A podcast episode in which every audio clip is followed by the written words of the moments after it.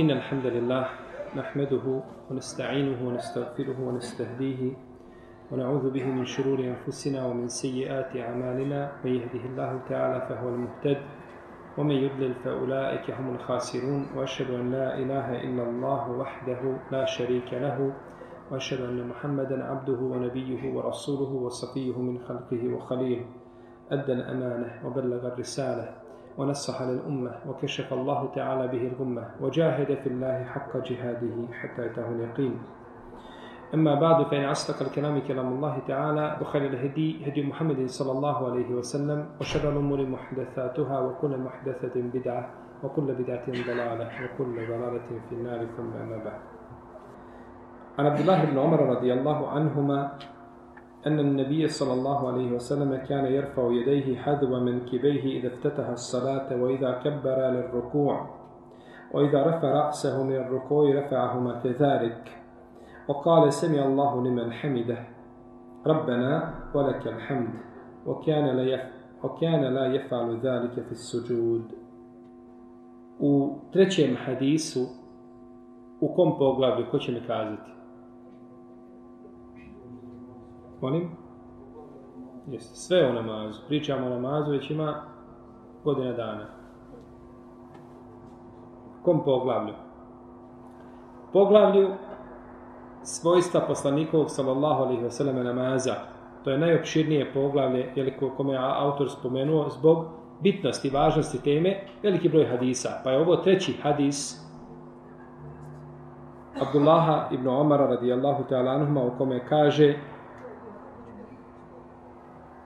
da je poslanik sallallahu alejhi ve selleme dizao svoje ruke u visini ramena kada bi počinjao sa namazom i kada bi donosio tekbir za ruku i kada bi digao svoju glavu sa rukua, isto bi ih tako digao. I rekao bi se mi Allahu nimen hamide, rabbena wa lekal hamd. Čuje Allah onoga komu zahvaljuje, gospodaru naš, tebi neka je hvala, a nije to činio kada bi išao na srđu. Razilaze se islamski učenjaci a, kada je u pitanju razlog propisivanja ili legitimnosti dizanja ruku zbog čega se dižu ruke. Pa kažu neki učenjaci da su nevjernici Kurejša dolazili sa poslanikom sallallahu alejhi ve i obavljali namaz. A držali su pod svojim pazuhom kipove. Znači kipa stavi pod pazuh i klanja. Pa je naređeno šta dizanje ruku tako da kipovi poispadaju. Znači, ovaj, da ne može klanjati sa kipom, da ne može klanjati sa kipom. No, međutim, ovo mišljenje Allahu alem da nije jako. Kako kaže imame Sanani, nije jako. Zato, prvo što, mušici nisu u Meki klanjali sa poslanikom sallallahu Nije bilo potrebe da iko bude munafik, šta od? Muži, kome ćeš biti munafik? Amar ibn Jasiru da munafičiš, ili ibn Mesaudu, ili Bilalu, ili Suhajbu, drugim ovaj potlačenim muslimanima u to vrijeme. Tada je bila čast ljudima da ne budu muslimani, da pokažu svoje neprijateljstvo, tako prema muslimanima, nikako da ne munafiče. Zato se ipak pojavio u Medini kada je ojačalo muslimansko društvo, odnosno kada je ojačala država muslimana. Pa je ovo mišljenje da je, znači, da su Kurejšije klanjale sa poslanikom sa Lazareme slamo. I druga stvar, kipovi ne mogu stati pod pazu. Može kip stati pod pazu. Znači, dok se stavi, odmah se vidi da nešto ima, je tako? Mali su kipove velike oko Kjabe i unutar Kjabe u svojim kućama su imali kipove. Tako da, ovo je puko mišljenje. Puki i čtihad. Druga stvar da mi imamo hadis ili predaju koja govori o tome, pa bi se moglo prihvatiti. Neki kažu da se ruke dižu radi jeli, potpune predanosti i poniznosti pred Allahom te barake o teala. Ibnu Hajar kaže da je Ibnu Abdul Ber spomenuo od Ibnu Omara da je govorio da je to ukras u namazu. Da je dizanje ruku ukras u namazu. I to se prenosi od ta, određenih tabina da su tako govorili, da je to ukras u namazu, a Ukve ibn Amir je govorio da svako dizanje, za svako dizanje da čovjek ima deset dobrih dijela. Kaže imam Ed-Derzemari da dizanjem ruku, da je to simbolika za dizanje hijjaba ili zastora između čovjeka i roba. Znači da, kao da diže hijjab dok je u namazu između stvoritelja i roba. Neki učenjaci kažu da je dizanje ruku u namazu gajru ma'kulil mana. Imamo nešto u šarijetu što je ma'kulul mana, što se može dokučiti razumom njegova mudrost. A imamo nešto što se ne može dokučiti razumom. I o tome su učenjaci u sulfika opširno govorili. Pa recimo ne možemo razumom dokučiti zbog čega je uzvišeni Allah te barak je otala propisao da se tavafi oko kjabe. Ili zašto je propisao da se akšam klanja tri rekiata. Jel u redu? Ili zašto je propisao da se sabah klanja prije izlaska sunca? Ne možemo to dokučiti razumom. To je stvar koju je uzvišeni Allah propisao i tu je kod znači tih pravila znak znači odnosno simbol simbol pokoravanja. Ne razmišljati zbog čega je, jer nikada čovjek ne može doći zbog logikom kada bi čovjek razmišljao. Preče bi bilo ujutru na sabah da se klanja četiri rekiata, kao što se na jaci, a da se na jaci klanjaju dva. Jer su ljudi na jaci umorni, teško im. I da nema ništa, ni vitra na veće, nego da odmah nakon dva rekiata idu šta u postelju. Da treba ujutru rano ustati. A da ujutro kada ustaneš, kada si odmoran, da tada klanjaš više ili slično tome. Znači, pa kada bi ljudi hadili po tome pitanju, bilo bi različite mišljenja. No, međutim, to je došlo, gajru ma'akulin mana, ne može se ta stvar svojim razumom dokučiti i dužnost je, znači, ljudima da se pokore. A imamo nešto što možemo dokučiti razumom ili dio toga nam je dostupan da ga dokučimo razumom mudrost određenog propisa. Naprimjer, zabrana alkohola. Zato što je alkohol majka zala, je li tako? Zabrana kamate, zabrana laži, to što stvari, stvara nered u društvu i sve tome, pa možemo dokučiti mudrost toga propisa ili dio mudrosti. A imamo neke stvari koje ne možemo dokučiti. Ovdje dizanje ruku u namazu, Allahu Teala alem da je prije, da je bliže onome prvom propisu nego ovome drugom. Jel u redu? A to je da ne možemo šta dokučiti njegovu mudrost. Da ne možemo dokučiti tu mudrost. Jer to dizanje ruku ima recimo u propisanim namazima ali kod mnoge uleme nema, recimo na dženazi, a kod nekih nema ni na propisanim namazima. I zašto ima dizanje posle ruku, a nema između dvije sečde? Kod onih koji kažu da nema, to je džumhur uleme. I slično, i slično tome. Pa kažu, to je stvar kojoj, u kojoj razum nema mjesta da razmišlja, znači, u njoj mudrosti. Neki učenjaci kažu da je mudrost u tome da čovjek koji je gluh da vidi da je počeo namaz. On ne čuje kada imam kaže šta? Allahu ekber. Ali čuje kada, odnosno vidi kada se dignu ruke. Kao recimo zadnje sjedenje. Zbog čega je propisano na zadnjem sjedenju četvoroketi namaza da imam sjedi teoruk. Da se osloni na lijevu stranu. Ili na lijevi kuk. Kažu da čovjek koji uđe, koji ne zna koji je rekiat ništa, da zna da je šta? Da je zadnji rekiat. Primjer rad. Ili da zna da je prvo sjedenje, znači, na e, četvorokatnim ili trorokatnim namazima. I slično tome. Pa kažu, zna onda čovjek koji je a, gluh, kada će da su ljudi ušli namaz, pa može odmah pristupiti znači namazu. Neki učenjaci kažu da je dizanje ruku u namazu vid izražavanja pokornosti potpune. Kako kada te neprijatelj zarobi, kaže ruke uvis. Je tako? To je prva stvar. Diži ruke. I dizanjem ruku si se potpuno šta? Predao, pokazuješ, kaže, ja sam nepomoćan. Gotovo je. Znači, potpuno se predajem. E, kažu, tako je pred Allahom te barak, da čovjek digne svoje ruke i potpuna, znači, predanost šta? Stvoritelju te barake, oteala i povođenje za njegovim propisima. Neki kažu da je to u stvari kada kažeš Allahu akbar, kao da si uzeo dunjaluk cijeli pa ga bacio iza svojih leđa i okrenuo svoje lice stvoritelju te barakala. Pa bacam dunjaluk iza leđa Allahu Ekber, a okrećem svoje lice šta? Stvoritelju te barakala. I to podržavaju riječi šta? Allahu Ekber. Allah je najveći. Allah je najveći, prema tome ovo sve što vidimo dunjaluka ne vredi ništa. Allahu Ekber. I onda stajem onda stajem u namaz. U svakom slučaju, pa bi se u ovome slučaju poklopilo šta? Riječi i djelo. Je tako? Riječima kažeš Allahu Ekber i onda ono sve što me odvodi od toga Allahu Ekber. Šta čovjek odvodi od Allahu Ekber? Dunjaluk. Nećete ahiret odvesti od, od, od, od Allaha te barek Nego te odvode žene, djeca, je tako, i metak i slično to. Dizanje ruku pri početnom tekbiru je legitimno kod sve uleme. Nema razilaženja među islamskim učenjacima o dizanju ruku pri početnom tekbiru. Svi se slažu. I skupina islamskih učenjaka navodi konsensus po ovome, po ovome pitanju. A razilaze se kada je u pitanju dizanje ruku mimo toga. Razilaze znači kada je u pitanju dizanje ruku mimo početnog tekbira. Pa kaže imam Šafija i Ahmed i Džumhura Shaba i onih koji su došli nakon njih, da je propisano dizanje ruku mimo početnog tekbira. Odnosno da je to legitimno u šerijatu. I kažu ruke se dižu kada čovjek odlazi na ruku i kada se vraća sa rukua. I to je rivajet od imama Malika. I hadis jasno ukazuje na tu činjenicu. Je tako? Kaže Ibn Omer, dizao je poslanik sa ruke kada bi odlazio šta? Na ruku. I kada bi se vraćao. I hadis je kod Buharije i kod muslima. No međutim, postoji spor među učenjacima kod četvrtog mjesta. A to je kada se diže na treći rekat.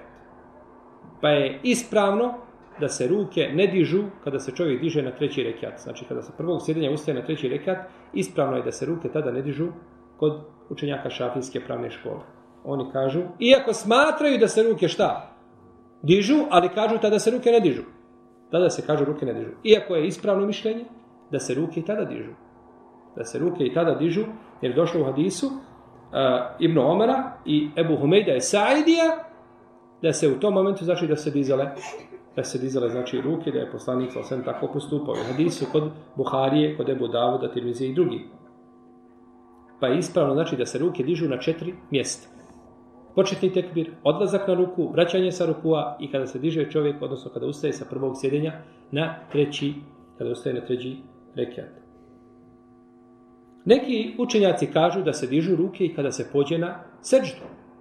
Znači, njegov se kaže, semi Allahu liman hamide. I ruke se dižu nakon što se čovjek ispravi. Ispravi se i kaže semi Allahu liman hamide. Rabbana wa lakal hamd. Hamdan kathiran tayyiban mubarakan fihi. I nakon toga kaže opet Allahu ekber. I ide šta na? I diže ruke. To je mišljenje jednog dijela jeli, učenjaka i o tome ima hadis kod Nesaije koga je veliki broj islamskih učenjaka ocenio vjerodostojno. Imam Ibn Mulakin i Šejh Albani i drugi kažu da je hadis vjerodostojan. A neki kažu da je hadis izniman. Iako je vjerodostojan, onda to nije poslanik sa osvijem radio uvijek. To je radio znači ponekad. Jer većina hadisa nisu šta prenijeli da je tako činio Rasulullah sallallahu alaihi wa alihi wa sallam. A imam nevo spominje i drugo mišljenje, znači kod u šafijskoj pravnoj školi da pri svakom znači spustanju ili dizanju da se dižu ruke. Kaže Ibn Qattan došlo je u vjerodostojnoj predaji da je poslanik sa osvijem dizao ruke između dvije sežde. I kada bi se dizao sa sežde i kada bi ustajao. I to je došlo od Isu ibn Abbas. No, međutim, ispravno ovaj danas prenosaca daif. Da nije vjerodostojan. I da ovaj nije predaja ispravna. I da predaja nije vjerodostojna. Došlo je od e, došlo je u hadisu kod Ibn Bišejbe da je poslanik sa osvijem dizao a, ruke između dvije sežde. No, međutim, kaže Ibn Hajar u Fethul Bariju da je ova predaja iznimna. Da je predaja iznimna. I došlo je u vjerodostojnoj predaji da je poslanik sa osaname jeli, dizao ruke kada bi se dizao na treći rekat od Ebu Hureyre, isto tako kaže Ibn Kajim da je ta predaja vjerodostojna. Pa je došlo znači od skupine ashaba dizanje ruku kada se diže na treći rekat. Kaže imam Ebu Hanife, rahimehullahu ta'ala, i stedbenici Hanefijske pravne škole, i učenjaci Kufe, da nije mustahab dizati ruke u namazu mimo početnog tekbira. I to je jedan rivajt od imama Malika. No međutim, svi hadisi koje je koristio Ebu Hanife ili Hanefijski učenjac po ome pitanju imaju slabosti u svome lancu prenosilaca. I zato Imam Buharija kaže u svom dijelu Džuzure Falijedejni da nema ni jednog vjerodostojnog hadisa o nedizanju ruku. Svi hadisi koji se prenose, kaže Imam Buharija su daif. A Imam Buharija kad oceni hadis, nemoj se više umarati. To ti je dovoljno kao ocen. I kaže da nije prenešeno ni od jednoga sahaba da je ostavio dizanje ruku namazu vjerodostojnim putima. I zato Imam Buharija napisao posebno dijelo a, nazvao ga je Kurretu la'ajnejni fi džuz i rafael jedejni. Ili Kurretu la'ajnejni, džuzu rafael jedejni u tom smislu, ovaj, u kome je sakupio sve predaje o dizanju ruku u namazu. Jedan od hadisa, ili najvjerodostojniji hadis kojim dokazuju ovi učenjaci da se ruke u namazu ne dižu, jesu riječi poslanika, sallallahu alaihi wasallam, šta vam je pa vidim da mlatite svojim rukama ili dižete svoje ruke kao da su repovi konja uznemireni. Uskunu fis sala, smirite se u namazu. Kažu, pogledajte, poslanik je sa osvijem osudio šta? Dizanje ruku u namazu. I predaje kod muslima u sahihu. Zato kaže, moja najvjerodostojnija predaja po ome pitanju. No međutim, neispravno je dokazivati ovaj predo, ovom predajom, zato što je nakon ove predaje, ima muslim spomenuo predaju od Džabira, u kojoj je spomenuto da se ovdje radilo o dizanju, odnosno pokazivanju rukama u namazu. Pa bi ashabi prilikom predaje salama pokazivali prema muslimanima na desnoj, na lijevoj strani, pokazivali Salamu alaikum wa rahmetullahi, salamu alaikum wa rahmetullahi, jeli pokazivali pri predajem salama, pa je rekao poslanik sa osaleme, šta vam je pa vidim da su vaše ruke kao jeli, ovaj, repovi konja uznemireni. Pa nije dozvoljeno znači, uzeti jednu predaju, a ostaviti drugu koja je pojašnjava. Pa ima muslim spomenuo prvo predaju u kojoj nije spomenuta priča šta, zbog čega je to rekao. Pa je nakon toga spomenuo drugu predaju da je šta? Da je pojasni. Pa ne možeš uzeti jednu, pa jedna kako jedna kod muslima, tako i druga kod muslima. Zašto si uzeo jednu? A zat, to je isto kao da kažemo vojnunin musallin i zatvoriš oči. O, o, ili ili ne, ne čitaš ajete koji su prije i posle toga. Teško se klanjačima. Ti moraš pročitati u kom kontekstu. Zbog čega je to rekao Resulullah sallallahu alaihi wa sallam? Jel u redu? Pa se mora uzeti u tom svijetu. Tako da ta predaja ne može nikako i ne smije poslužiti kao argument. Nakon toga, kaže kao da su ruke repovi konja i ogunjasti. U redu. Konji kada maše repom, kako maše? Gore, dole ili na stranu? Na stranu. Znači, pa je došlo pokazivanje, tako je, salamu alaikum, salamu alaikum, pa je znači rukama mlatarano ili pokazivano kao što konj mlatara repom lijevo desno, a ne gore dole. Je li tako? Pa je znači i sam hadis odgovara, je li priči džabira, jer je to poslanik, znači, na jako lijep i slikovit način, znači, pokazao. Jedne je prilike Ebu Hanife rekao Sufjanu Eseuriju, kaže, a kada je dizao ruke u namazu, bojim se, kaže, da ćeš poletjeti u namazu. Mislio sam, kaže, koliko dižeš ruke, da ćeš poletjeti. Pa mu kaže Sufjan Eseuri, kaže, kada nisam poletio pri prvom tekbiru, neću ni pri ostalim. Neću ni pri. Ebu Hanife, rahimahullahu ta'ala, kada je to rekao, nije rekao to što Ebu Hanife ne voli sunnet, subhanallah. Ebu Hanife je bio najpreći čovjek da sledi sunnet. No međutim, kod Ebu Hanife predaje koje govori o dizanju ruku u namazu nisu bile validne. Ili nisu došle do njega, a do njega su došle predaje o nedizanju ruku. Pa Ebu Hanife radio, je se on ismijavao sunnetom ili po njegovom mišljenju novotarijom? Novotarijom. Tako da ne bi neko sebi dodao kaže kako je to mogao, neko od učenjaka može kazati nešto o sunnetu da se ismijava, s tim jer to nije došlo njega i ubeđen da to nije rekao poslanik sam i on je nagrađen za to. Jel u redu? On je nagrađen za to. A Bože sačuje da Ebu Hanife kaže znači nešto o poslaniku sa osadame ili o njegovom sunnetu, pa Ebu Hanife je bio taj koji je jeli, cijeli život proveo ovaj, a, braneći sunnet i, i uspostavljajući sunnet na zemlju. Poznato je kod učenjaka da nije obaveza dizanja ruku u namazu, nigdje. I o dizanju ruku u namazu smo govorili opštinu kizu namazu. Ko želi, znači tamo ima sve smo argumente iznijeli jedne i druge skupine i brojne predaje o Selefa navodili, znači i koliko vas preko 50 ashaba prenosi dizanje, hadise o dizanju ruku namazu. Čak kažu imam Hakim i Bejheki da ni jedne hadise ne prenose deseterica koji su obradovani džennetom osim hadise o ruku namazu. I tako da su hadisi o dizanju ruku namazu, kog tvrdi imam Zehebi, Ibn Hadžari, Šeh Albani i drugi, dostigli stepen tevatura, mutevatir hadise o dizanju ruku namazu.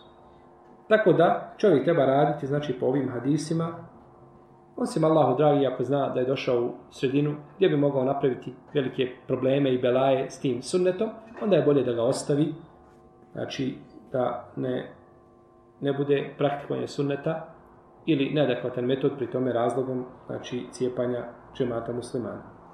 No međutim, spominje se od Davuda, al-Zahirija, osnivača bukvalističke pravne škole, da je smatrao početni tekbir obaveznim.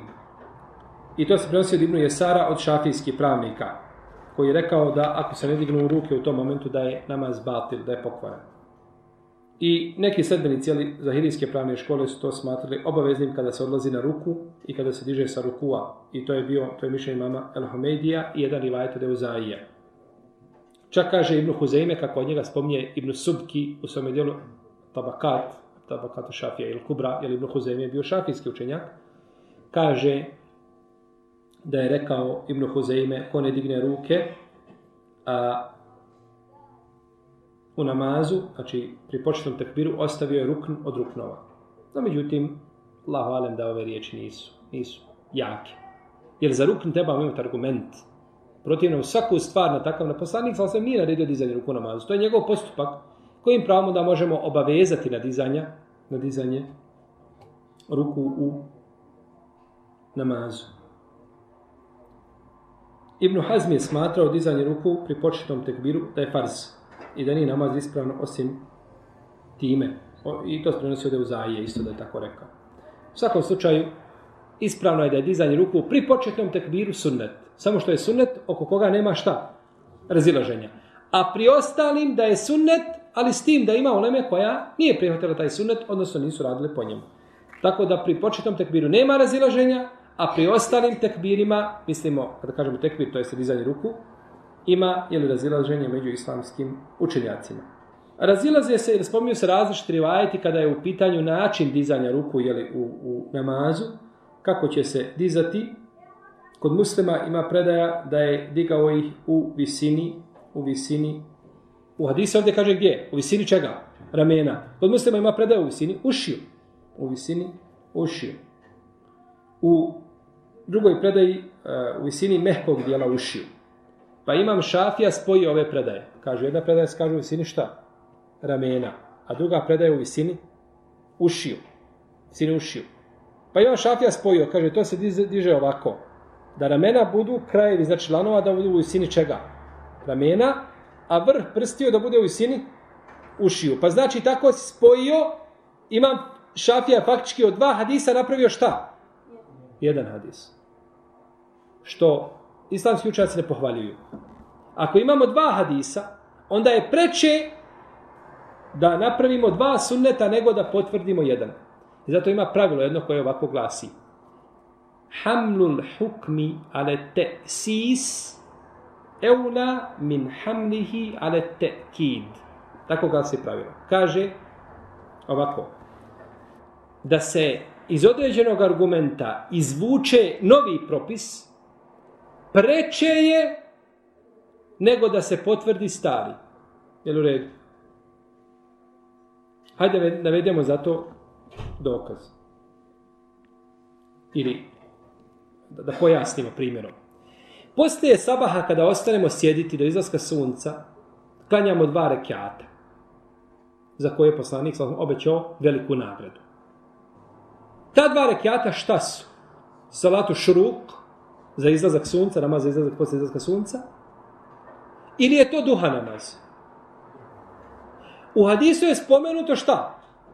Dva rekiata. Je li preče sada da kažemo to su nova dva rekiata i nova vrsta sunneta ili da potvrdimo da je to duha? Šta je preče? Sodno pravilo koje smo spomenuli. Da su to dva rekiata nova. Jer smo rekli da je doći sa novim propisom preče nego potvrditi šta star. Mi duha namaz imamo u drugim hadisima brojnim. I ovim bi potvrdili da je to još samo šta? Duha. A kada kažemo ne, to je novi namaz, tada smo lepezu sunneta učinili većom ili manjom? Većom. Pa smo došli sa novim, znači sunnetom. Pa što više sunneta i tebi je izbor veći da klanjaš, ali tako? Veći ti, veća ti je mogućnost približavanja šta? Storite li te barake od teala? Pa je preče da napravimo od tog šta? E, sunneta da napravimo nova dva rekiata, odnosno da se smatramo sto nova dva rekiata, budući da i šarijet nije ograničio, šta su i nije precizirao šta su, pa je onda smatranje e, novim ibadetom preče. Jel u redu? E tako je, znači, ovdje kada je rekao, kaže, diže se ovako i ovako, i pokušaj, kaže, diže u visini ramena. U visini ramena. Znači da bude sredina e, dlanova u visini čega? U visini ramena. To je razumijevanje. A drugo u visini ušiju. I to se razlikuje, to je dva različita organa, dijela tijela.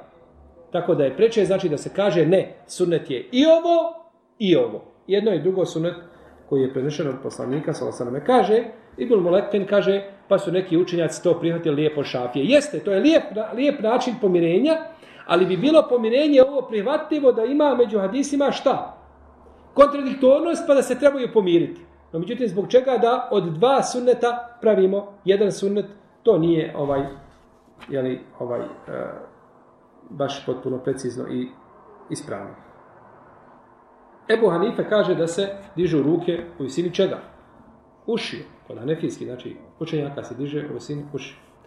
Imam Tahavija je došao sa jednim ovaj čudnim uh, ovdje pojašnjenjem.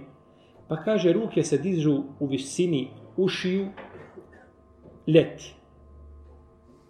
Pa, leti. Kada je vruće, onda u visini ušiju. A kaže, u visini ramena kada je zima i hladno. Zato što su ruke uvučene u odjeću.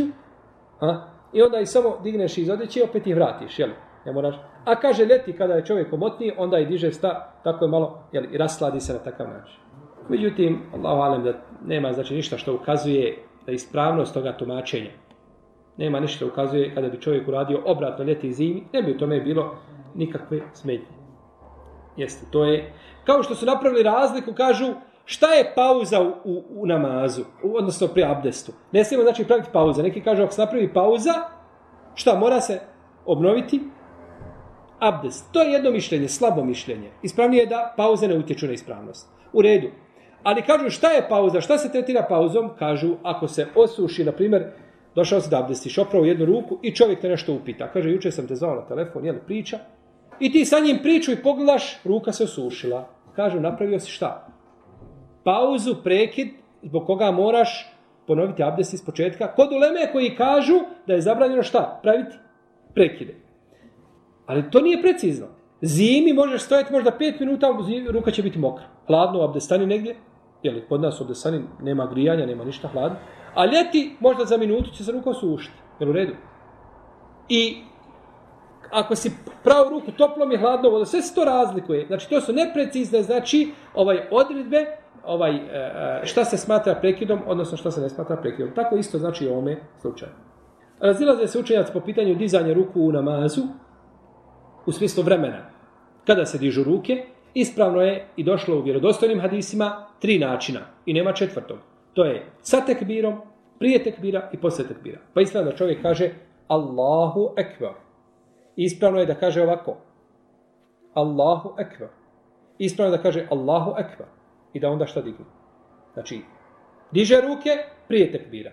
Diže ruke posle tekbira i diže ruke sa tekbira. Sve troje ispravno. I sve je došlo vjerodostojnim hadisima i ovaj šta god čovjek da učini, da se ograniči na jednu od tih verzija, neće smetiti. Da praktikuje drugu, neće smetiti. Da mijenja te verzije, to je najbolje. Radi očuvanja sunneta. Pa da ponekad uradi ovako, ponekad ovako, ponekad ovako ne smeta, a nema nikakve smetje da uzme jednu od tih mogućnosti i da šta? Da je praktikuje najčešće. U najviše, znači, u najviše slučajeva. Jesi. Kao po pitanju dizanja ruku u namazu. Nema smetnje čovjek uvijek diže ruke, Allahu ekbar, u visinu ramena. Ide u visinu ušiju. Ali ponekad da digne i suprotno tome radi očuvanja sunneta, to je najbolje. Jer, kako kaže šehr Samim Mukaim u svome dijelu, Jalal Fham, sve što je došlo u sunnetu na više različitih načina, to kaže Ibn Sejmin i drugi, jer Ulema o tome je govorila, da to treba praktikovati znači na različite načine, da bi se time očuvao sunnet poslanika, sallallahu alaihi wa alihi wa sallam. A, tekbiri, znači, ovaj, a, pri ovome jeli, donošenju, odnosno tekbira, imamo, a, kada su u pitanju namazi propisani dnevno, imamo 94 tekbira. Imamo, imamo tri puta četvoro rekiatne namaze, podne i kindiju jaciju, svaki po 22, i imamo jedan trorekjatnik koji ima 17 i imamo dvorekjatnik koji ima 11. I to je skupa, znači, 94 tekbira kada su u pitanju šta? Farzovi. A ko nakon toga doda, znači, sunnete, otprilike dodaje možda duplo ili tu negdje, znači, bilo bi tekbira, bilo bi tekbira više. I kaže, nije to činio kada bi odlazio na seđdu. Znači, ne bi dizao ruke kada bi odlazio na seđdu. I to je stav većine uleme. Neki kažu može. Sodno hadisu, ne sajije. Da je poslanik sam dizao kod onih koji prihvataju taj hadis. U svakom slučaju, ono što je potvrđeno je ta četiri mjesta. Ovi drugi hadisi, pitanje su i čtihada, neka ulema kaže da su iznimni. I ome hadisu je potvrda, znači početnog tekbira i o početnom tekbiru smo opširno govorili u prethodnom hadisu, prije ovoga. Sjećate da smo opširno govorili znači, o početnom tekbiru i propisima vezanim za početni tekbir. I u hadisu je dokaz znači, o donošenju tekbira kada se ide na a, ruku i to je kod velikog dijela u Leme Sunnet, kod imama Ahmeda po jednom rivajetu je vađib, kao i drugi tekbiri, znači sa kojima se prenos, prelazi znači sa jednog rukna na drugi. I ome hadiso je dokaz da postupci poslanika, za osaleme, bivaju dokaz kao i njegove riječi. U redu. Postupci u šarijetu, Rasulullah sallallahu alaihi sallam, su dokaz kao i riječi. Pa se mora znači uzeti i jedno i drugo i mora se to pomiriti. Mora se znači to pomiriti. Kada dođu u koliziju riječi i postupci, šta je jače? Molim? Postupci. Zašto postupci? Zato što su pogrešno, a postupak teže, znači ostaje upečatljiviji. Znači postupak je upečatljiviji. Kada vidiš nekoga kako radi, to ostaje upečatljivo. I zato neki učenjaci kažu da se uzima predaja od ravije koji je daif kada vidi. Imate jedan ravija koji je daif, ali kaže vidio sam, na primjer, Tabin, kaže vidio sam Ebu Darda da radi tako i tako. Jer kada čovjek vidi teže, to može zaboraviti nego šta kada? čuje. Pa su tu znači malo blaži kada je u pitanju daji fravija, kada je u, kada je u pitanju šta? Praktični dio. Tu su znači malo popustljiviji. Pa je praktični dio šta taj upečatljiviji, je tako? No međutim, ispravno je suprotno tome što ste vi kazali. Ispravno je suprotno tome što ste vi kazali, ispravno je da su riječi u šarijetu jače od dijela. Ne naredba, ne mora biti naredba. Zato što su riječi propis ummetu. Kada poslanik sa osrme nešto uradi, može li uraditi i pogriješiti? Molim. Može. Zar nije pogrešio u namazu? Zar nema nekoliko hadisa da je poslanik sa pogrešio u namazu? Ali može li poslanik sa osrme pogriješiti u riječima? Da kaže sahabima hadis i kaže, juče sam vam rekao, ko toliko i toliko kaže od zikra to i to, ima to i to, nema te nagrade, to sam ja pogrešio, to sam ja preletio, nego može tako biti. To je cirkus. Može biti kod obični ljudi, negiramo to mnogim običnim ljudima, a da to pripišemo poslaniku, sallallahu alaihi wasallam, koji ne govori po prohtjevima svojim. Ali se mogla desiti greška da se pokaže kako se ta greška šta? Popravlja.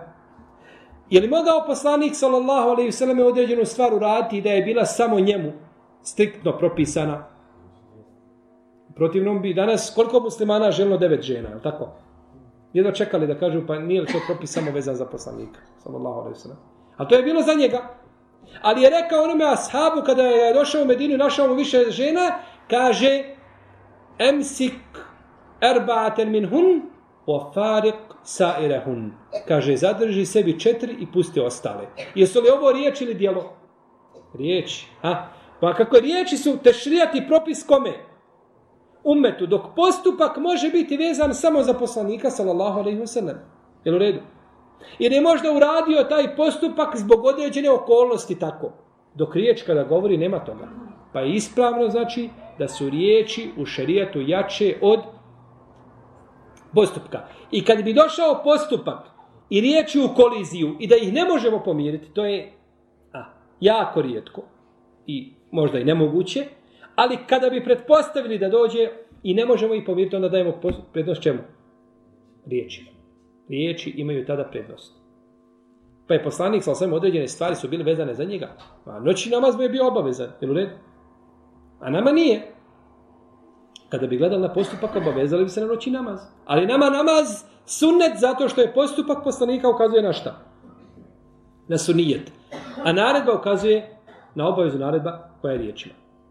Pa je ovdje znači jako bitno da kada govorimo znači o postupcima poslanika sallallahu da znamo te činjenice i ovo je jedan od u nizu znači onih onih pravila pri odabiru prioritetnijeg mišljenja jeste ovo, Ulema spominje, znači šta?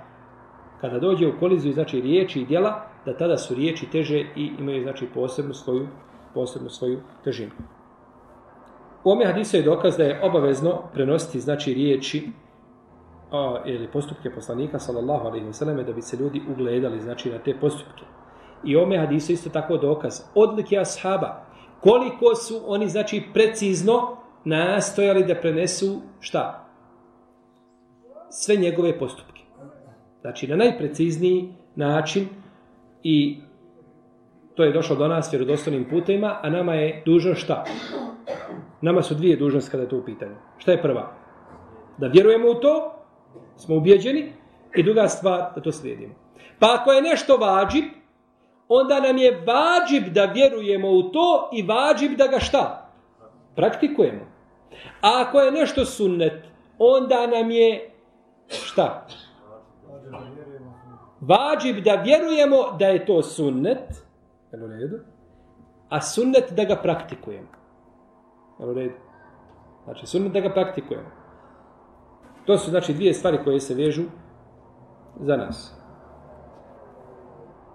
U svakom slučaju, skupina Uleme je govorila i pisala dijela posebno o dizajnu ruku namazu. Tako je pisao imam Buharija i tako je učinio Muhammed ibn Nasr al-Merwazi i tako je učinio imame Subki, tako je učinio Ibnul Kajim, kako spominje Ibn Rajab, jer Ibn Rajab je šta?